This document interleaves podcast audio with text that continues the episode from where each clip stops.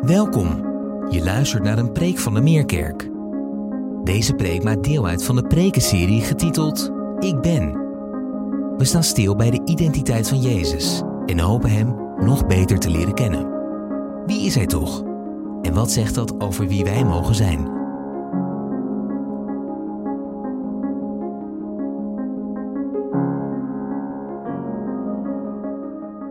Goedemorgen thuisgemeente. Ik ben hier meer dan in mijn eigen kerk, weet u dat? En het is heerlijk dat ik me altijd zo welkom mag weten bij u. Ik uh, zag net die foto van mezelf met die uitspraak: Ik ben het licht van de wereld. Ik zeg, ze hebben wel een woord vergeten. Ik ben het niet. Maar ik wil met u nadenken over die uitspraak van Jezus, waarin hij dat zegt. Ik ben het licht voor de wereld. Het is onderdeel van een serie nu in de Meerkerk, waarbij de ik ben uitspraken van Jezus stuk voor stuk worden overdacht. En dat is prachtig, want dat bepaalt ons bij de kern van de zaak. En de kern van de zaak, dat is Jezus. Wie Hij is, wat Hij heeft gedaan, wat Hij heeft geleerd, wat Hij kan betekenen voor ons. En dat is prachtig. Johannes, het Johannesevangelie geeft die ik ben uitspraken.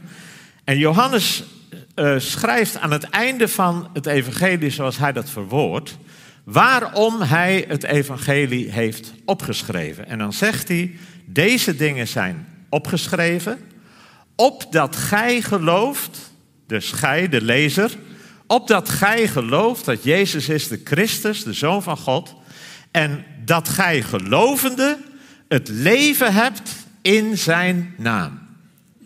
Dus Johannes geeft een heel duidelijke doelomschrijving voor jou en voor mij. Dat wij dit lezen en dat wij in ons hart gaan geloven, gaan vertrouwen. Dat we ons daaraan overgeven, dat we dat omarmen, dat we daar ja tegen zeggen. Dat is de bedoeling waarmee hij alles heeft opgeschreven. Voor jou en voor mij. Dat maakt het dus heel persoonlijk.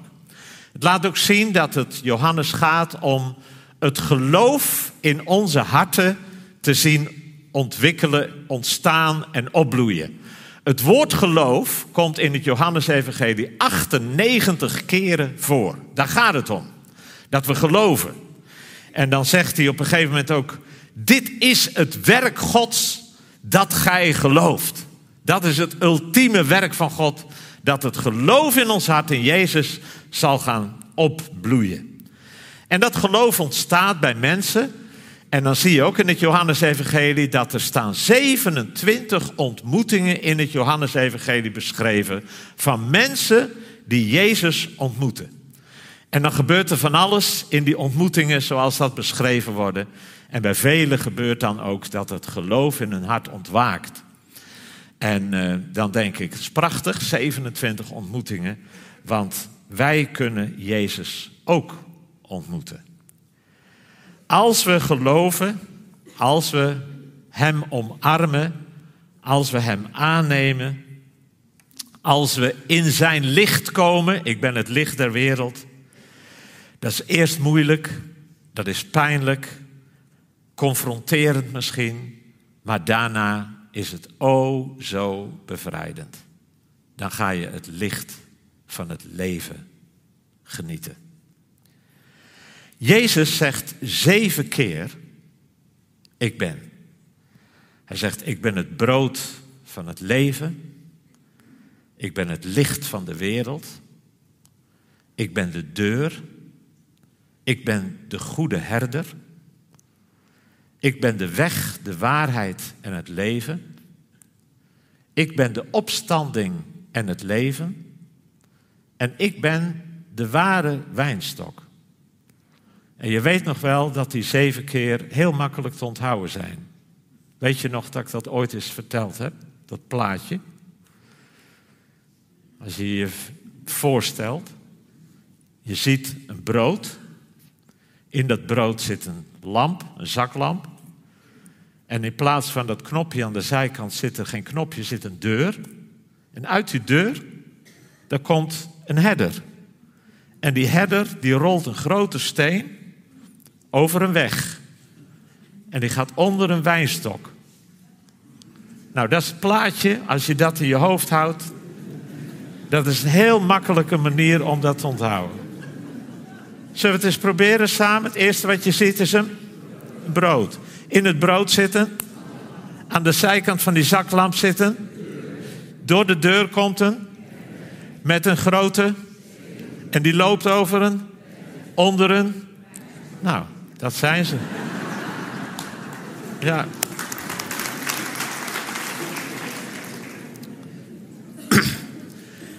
Nou denk ik dat het belangrijk is om in ons achterhoofd te houden als wij die zeven ik ben uitspraken van Jezus hier in de Meerkerk overdenken. Dat Jezus wil zeggen, ik ben, maar ik wil dat ook zijn voor jou. Met andere woorden, ik ben het brood, ik wil het brood zijn voor jou. Dat je je voedt met mij. Dat je sterk wordt door mij. Ik ben het licht. Ik wil het licht zijn voor jou. In jouw leven. Op jouw levenspad. Ik wil jouw goede herder zijn. Ik wil je leiden. Ik wil je bewaren. Ik wil voor jou de weg en de waarheid zijn waar jij je levenshuis op bouwt. Ik wil voor jou de opstanding uit de doden. Ik wil het leven zijn, het volstrekt nieuwe leven zijn. Dat wil ik zijn voor jou. En vorige week, ik ben de ware wijnstok en jullie zijn de ranken. Ik wil voor jou de ware wijnstok zijn. Dat mijn levenssappen in jouw leven stromen. Zodat jij vrucht mag dragen door wat ik doe in jouw leven. Dat is wat Jezus wil zeggen. Ik ben, maar ik wil dat zijn voor jou. Zo gaan we ook vanmorgen de uitspraak overdenken. Ik ben het licht van de wereld. Het is bijzonder dat we dat vandaag doen, want het is vandaag de eerste Adventszondag. Dat zijn de serie zondagen voor de kerst, waar de kerk stilstaat bij de komst van Jezus in de wereld. En dat vieren we met kerst, dat Jezus werd geboren 2000 jaar geleden in Bethlehem. Maar dan denken we ook aan de terugkomst van Jezus. Wij leven in de verwachting dat dit wat er nu gebeurt niet altijd maar zo doorgaat. Nee, er komt een dag, daar komt Jezus terug en dan gaat er een hele nieuwe dag aanbreken. Waarvan Hij zegt, zie, ik maak alle dingen nieuw. Licht is heel belangrijk in ons leven. Zonder het licht is het leven niet mogelijk zoals wij dat nu kennen het is door het licht dat groene planten en ook algen in het water CO2 en water omzetten in suikers. Dat is fundamenteel voor het leven zoals wij het nu kennen. Onze biologische klok wordt door het licht beïnvloed. Het licht maakt ons energiek en fris. Licht in huis heeft een goed effect op onze gezondheid en een positieve invloed op onze humeur. Licht, we kunnen ons geen leven voorstellen zonder licht. Met respect voor mensen die hun zicht verloren hebben of het nooit gehad hebben. Waar ik ontzettend veel respect voor heb. Mensen die zo door het leven gaan. Maar het leven zoals wij dat in de wereld kennen is niet mogelijk zonder En nou moet u even niet schrikken.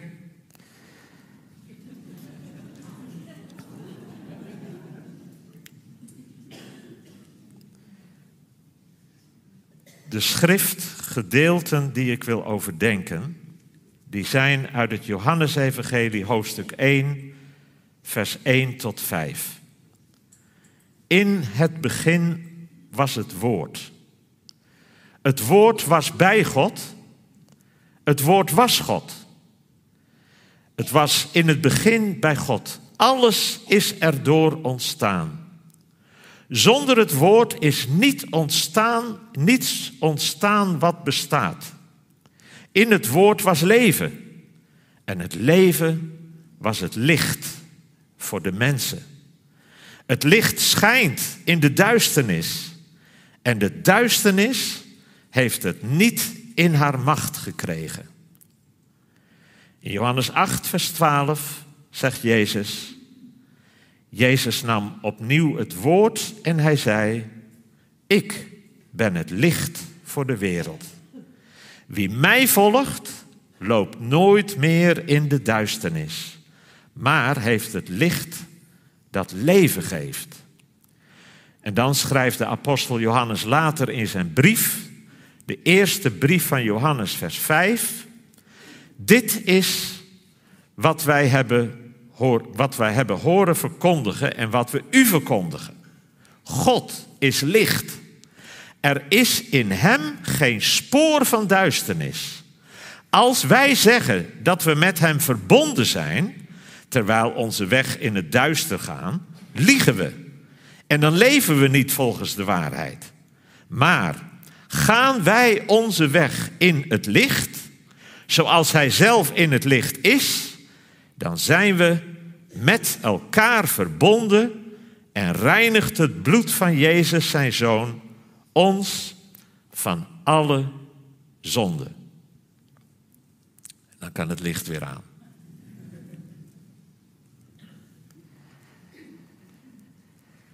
Er staat, Jezus nam opnieuw het woord en hij zei, ik ben het licht voor de wereld. Hij nam opnieuw het woord. Daarvoor heeft hij ook wat verteld. En daaruit blijkt dat Jezus is het licht in het duister. Jezus nam het op voor een overspelige vrouw.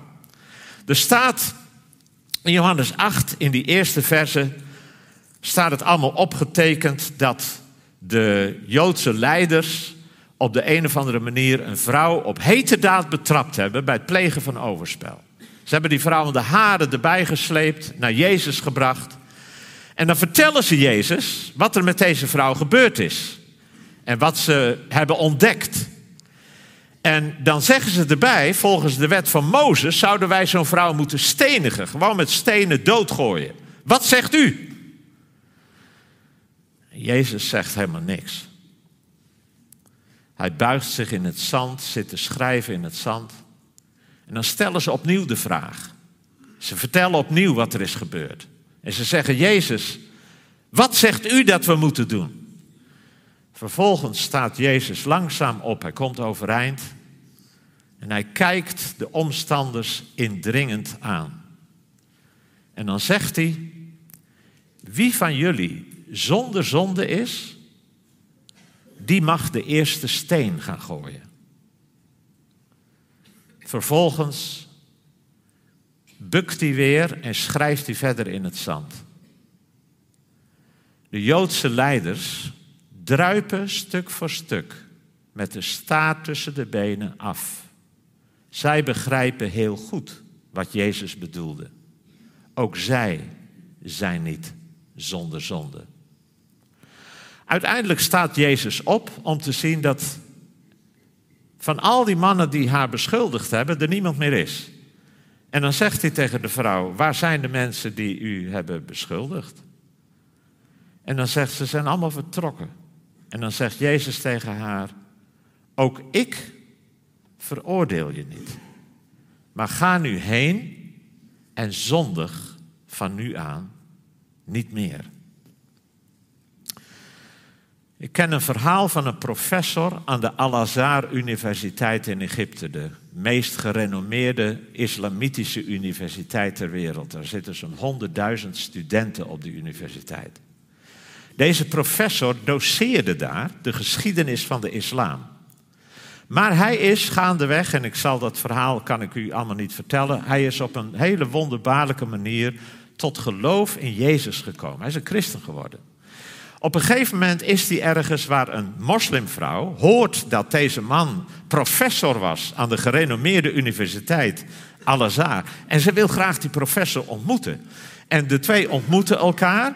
Maar dan ontdekt die moslimvrouw dat deze professor een christen is geworden. Dan ontploft ze helemaal. En ze zegt, uh, u bent een afvallige, verschrikkelijk, wat hebt u gedaan? God zal u straffen, Allah zal u straffen. En zo een hele tirade. En dan zegt, als ze is gekalmeerd, zegt die professor tegen haar: Ik zou graag meer tijd hebben om u mijn hele verhaal te vertellen. Maar voor nu even, even dit. hij zegt: je hebt, De moslims hebben de Koran en de Hadith. En in de Hadith, dat zijn, is een heel belangrijke bron van informatie over het leven van Mohammed. Daar staat een verhaal dat een vrouw overspel die heeft dus een buitenechtelijke relatie gehad en die is daar zwanger van geworden. En ze brengen die vrouw bij Mohammed. En dan vragen ze Mohammed, wat moet er met die vrouw gebeuren?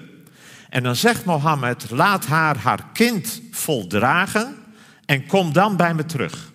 En die professor vertelt dat verhaal aan die moslimvrouw. Dan komen ze terug en dan zeggen ze: Mohammed, u zei dat wij moesten wachten. En dan de vrouw heeft intussen de baby gekregen. Dus die vrouw is hier met baby. Wat moet er met haar gebeuren? En dan zegt Mohammed: Laat de vrouw twee jaar lang het kind zogen en verzorgen. En kom dan bij me terug. Dus na twee jaar komen ze terug met die vrouw, met het kind van twee jaar. En dan zeggen ze, nou, dit en dat heeft u eerder gezegd. Mohammed, wat moeten wij doen met deze vrouw en het kind? En dan zegt Mohammed, Dood de vrouw en laat het kind in leven. Vervolgens vertelt de professor het verhaal wat ik u net vertelde over Jezus. En Jezus eindigt dat verhaal met: Ook ik veroordeel u niet. Maar ga nu heen, maar zondig van nu aan niet meer. En dan zegt de professor tegen die moslimvrouw: Wie van deze twee zou u willen volgen? Dan barst de moslimvrouw in huilen uit. En ze roept: Ik ben die vrouw, ik ben die vrouw. En dan vertelt ze dat zij zwanger was uit een buitenechtelijke relatie. Dat haar familie en haar vriendenkring haar heeft uitgekotst. En dat ze daar nu zit, alleen als een eenzame vrouw, uitgespuwd door de gemeenschap. Bij die ontmoeting heeft deze vrouw het licht van de wereld leren kennen. Maar dat was het verhaal wat voorafgaat aan de uitspraak die Jezus doet. Ik ben het licht voor de wereld.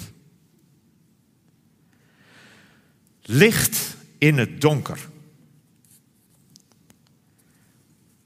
Wat betekende dat toen en wat betekende dat nu? Wat betekent dat voor ons nu?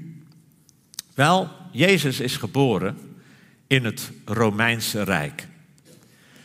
En het helpt ons om die uitspraak van Jezus, zie ik ben het licht van de wereld, te zien in de tijd waarin dat aanvankelijk allemaal gebeurde. Waarin hij dat zei. Wat weten wij van het Romeinse Rijk? Wel, als je daar je in verdiept, dan ontdek je dat het Romeinse Rijk, daar zaten heel veel duistere kanten aan. Bijvoorbeeld als je het hebt over de positie van de vrouw. Wist u dat er in het Romeinse Rijk een enorm tekort aan vrouwen was? En waar dat door kwam? Voor elke 100 vrouwen waren er zo'n 140 mannen.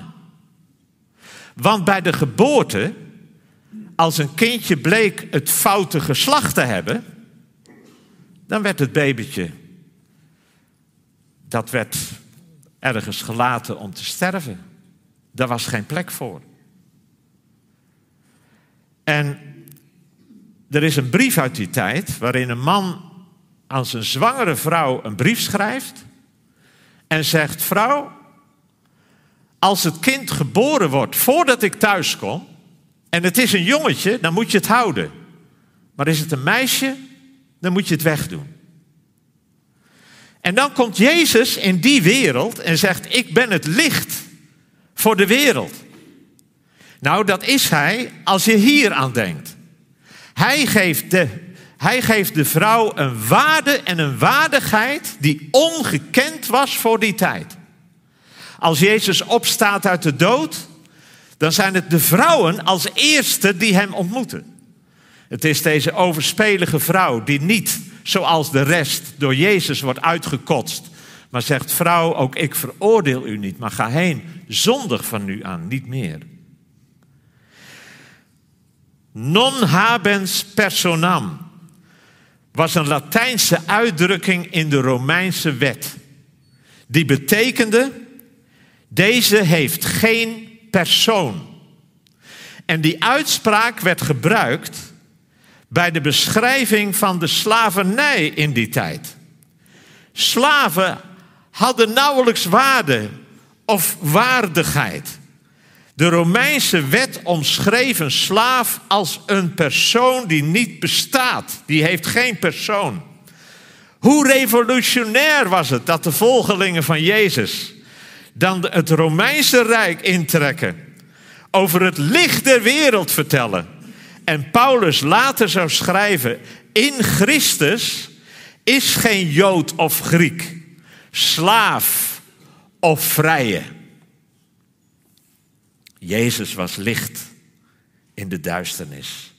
Het is ongekend hoeveel waarde en waardigheid Hij geeft aan ons leven. De Romeinse goden kenden geen ziekenzorg. Ziekenzorg leer je niet van Zeus. Tijdens de regering van Marcus Aurelius, rond het jaar 165, brak er een reusachtige epidemie uit. Een kwart van de bevolking kwam om het leven, waaronder Marcus Aurelius zelf. Honderd jaar later volgde er weer een epidemie, waarbij in Rome er soms dagen waren dat er 5000 mensen stierven op één dag. De mensen vluchtten bij hun dierbaren vandaan. Ze gooiden hen op straat. Nou, in die wereld was ook een groep van mensen die de zieken verzorgden. Met gevaar voor eigen leven hen dienden in de naam van Jezus. Keizer Julianus Aposta zou erover schrijven. Ze ondersteunen niet alleen hun eigen mensen, maar ook die van ons. Jezus is het licht in een donkere wereld. Die tijd kende iets dat heet de blootstelling van baby's. Ongewenste baby's, die werden gewoon ergens achtergelaten om te sterven. Soms op een vuilnisbelt. Blootstelling heette dat. Die beslissing werd meestal genomen in de eerste dag, eerste acht dagen na de geboorte. Sommige van die baby's werden door anderen gered om er slaven van te maken. Veel slaven die hadden dan ook een naam die was afgeleid van het woord kopros, wat mest betekende. Ze waren letterlijk van de mestvaalt gehaald en gered om er een slaaf van te maken. Baby's waar iets aan mankeerde, werden verdronken. Bij een archeologische opgraving werden de beenderen van honderd pasgeboren baby's gevonden. En dan komt Jezus en zegt: Ik ben het licht van de wereld. Wat een waarde en waardigheid heeft Hij aan het leven gegeven. En dan zie je de Romeinse heersers, de machthebbers uit die tijd. Het waren niets ontziende bruten. Jezus werd geboren tijdens de regering van koning Herodes. Koning Herodes had elf vrouwen. Eentje waar hij speciaal veel van hield. Maar op een dag is hij haar gaan wantrouwen. Hij heeft haar vermoord. Hij heeft haar moeder vermoord. Heeft haar twee broers vermoord. Hij heeft de kinderen vermoord die ze hem gebaard had. De kapper die zijn levenslang voor Herodes heeft gezorgd, geknipt, die probeert het voor zijn zonen op te nemen. En als Herodes dat merkt, laat hij de kapper vermoorden. Het waren brute heersers die geen genade kenden. Pilatus, verantwoordelijk voor de kruisiging van Jezus, vorderde op een dag, vorderde op een dag geld uit de tempelkas om daar een viaduct mee te bouwen. Toen een groep Joden daartegen demonstreerde, werden al die Joden geëxecuteerd.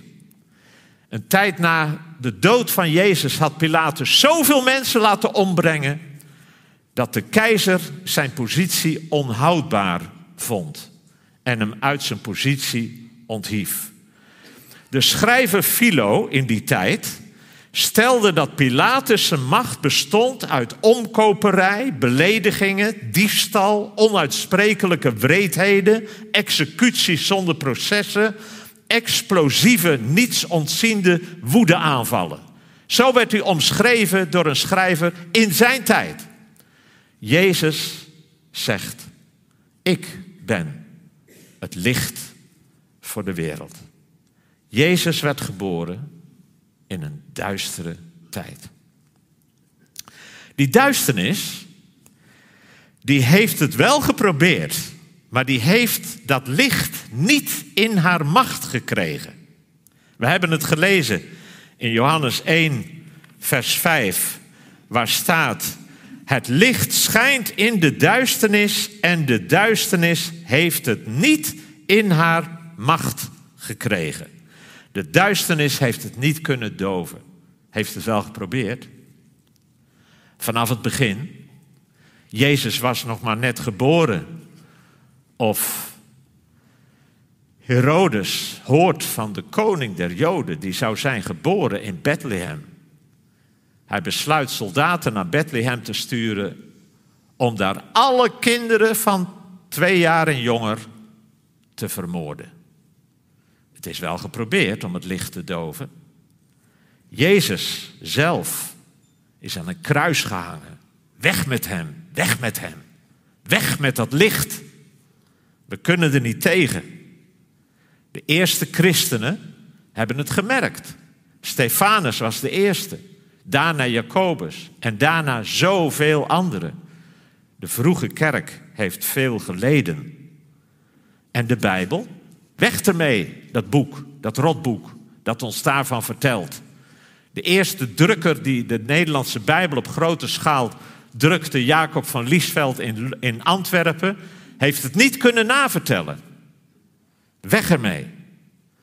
Keizer Nero was een kwelling voor de kerk. Toen Rome in de fik stond, liet hij een opera-uitvoering opvoeren, een opera zingen, terwijl Rome brandde. En toen de brand was uitgeblust en de ellende daar was, toen werden de christenen aangewezen als de zondebok. En die werden als levende fakkels overal in brand gestoken. Weg ermee, dat licht. De duisternis heeft het niet in haar macht gekregen. Hij heeft het wel geprobeerd. Onze wereld van vandaag is nog altijd een duistere plek. Ondanks de glitter en glamour van de shows op de televisie die het anderen doen geloven, is deze wereld een duistere plek. Volgende week ga ik naar Pakistan. Ik zit in een bestuurtje van een kleine stichting die scholen, kleine christelijke scholen, financieel ondersteunt om in leven te kunnen blijven. Er wonen zo'n 225 miljoen mensen in Pakistan. 6 miljoen van hen zijn christen. Veel van deze christenen leven in extreme armoede, gemarginaliseerd in de samenleving. En de ouders die hebben geen 8 euro in de maand om te zorgen dat hun kindje naar school kan en kan leren lezen en schrijven. En als je niet kan leren lezen en schrijven, dan is er geen kans dat je ooit kunt ontkomen aan de visueuze cirkel van de armoede. Het is heel belangrijk dat die kinderen dat leren. En wij helpen hun daarbij. En dan ga ik naar Pakistan om een paar van die scholen die wij helpen te bezoeken. We leven in een duistere wereld. We horen van alles wat nieuws zou zijn, maar we horen heel weinig over het feit dat er 1 miljard mensen in deze wereld zijn die leven in armoede. 1 miljard. Die misschien een euro in de dag hebben om van rond te komen. We leven in een duistere wereld. Als we het WK volgen en je hoort van Qatar en hoe die stadions gebouwd zijn. Dat is onze tijd. We leven in een duistere wereld als je hoort over de Oekraïne en je ziet een Oekraïense vrouw, een oudere vrouw, huilend. Waarom doen ze dit met ons? Waarom doen ze dit met ons? We leven in een duistere wereld. De vorige eeuw ondanks alle gepraat over vooruitgang, kende 100 miljoen doden ten gevolge van de regeringen van Mao Zedong, Stalin, Pol Pot en Adolf Hitler. We leven in een duistere wereld. Maar waar komt die duisternis vandaan? Jezus zegt, uiteindelijk komt die duisternis uit het hart van de mens. Jezus zegt, uit het hart komen boze gedachten, moord, overspel, ontucht, diefstal, valse getuigenissen en laster. Paulus zou laten schrijven in Romeinen 1: Mensen hebben de waarheid over God ingewisseld voor de leugen. Ze hebben Hem niet de eer en dank gebracht die Hem toekomen. Hun onverstandig hart is verduisterd. En dat gaat over jou en over mij.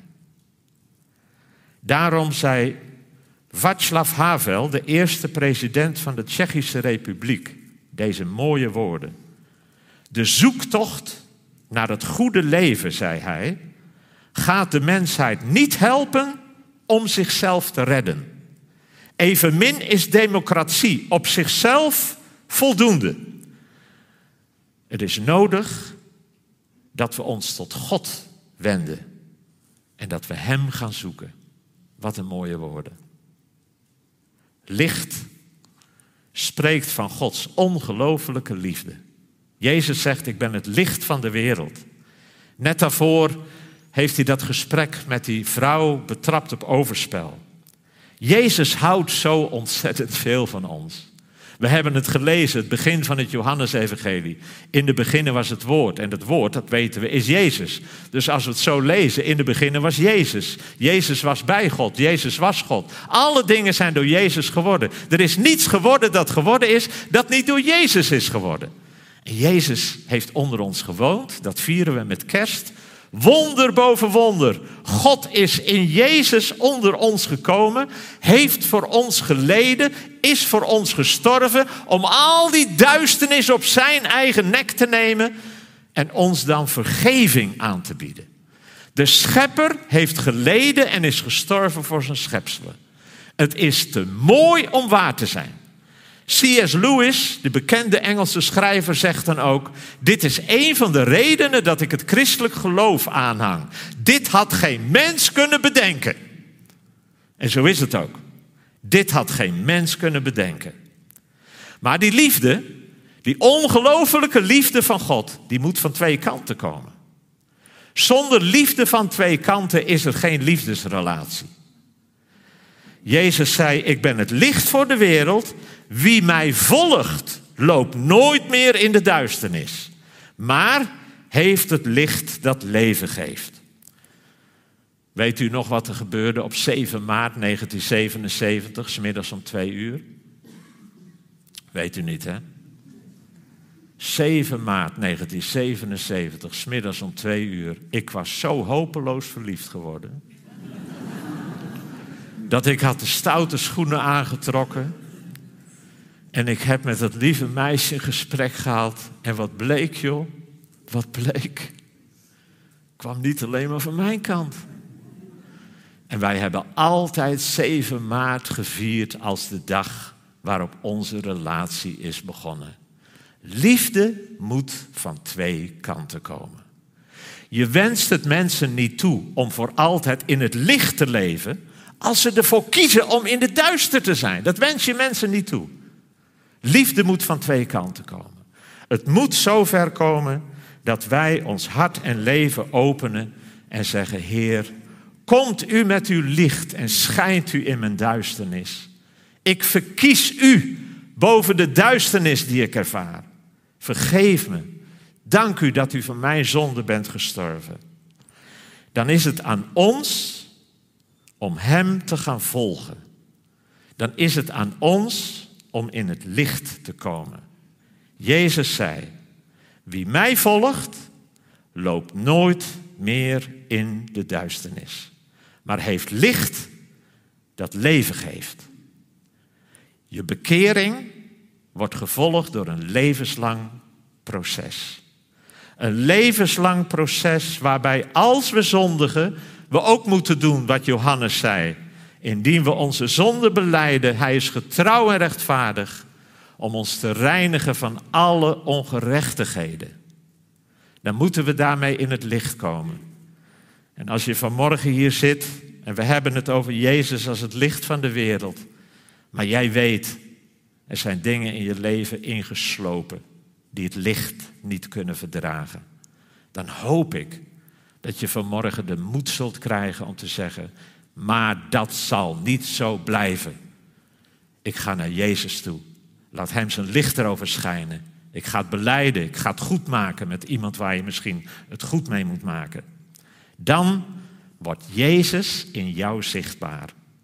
Dan zegt Hij tegen jou: Jullie zijn het licht van de wereld. En voor veel mensen is dat het enige licht wat ze misschien ooit in hun leven zullen zien. Licht zorgt ervoor dat we energiek en fris zijn. Licht in huis heeft een goed effect op je gezondheid. Voldoende daglicht heeft een positieve invloed op je humeur. Wij kunnen niet leven zonder licht. We kunnen niet leven zonder Jezus. Mis het niet. Amen. Laten we samen danken en bidden voordat we met elkaar een lied gaan zingen.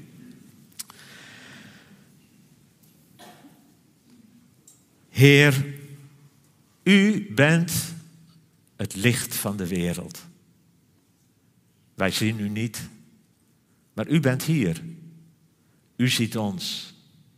U hoort ons. En in geloof zien wij u ook. En u wilt dat licht zijn voor ons, hier in de Meerkerk, zoals we hier vanmorgen zijn. Waar zouden wij zijn zonder uw licht dat de duisternis verdrijft? Zonder uw licht op ons pad?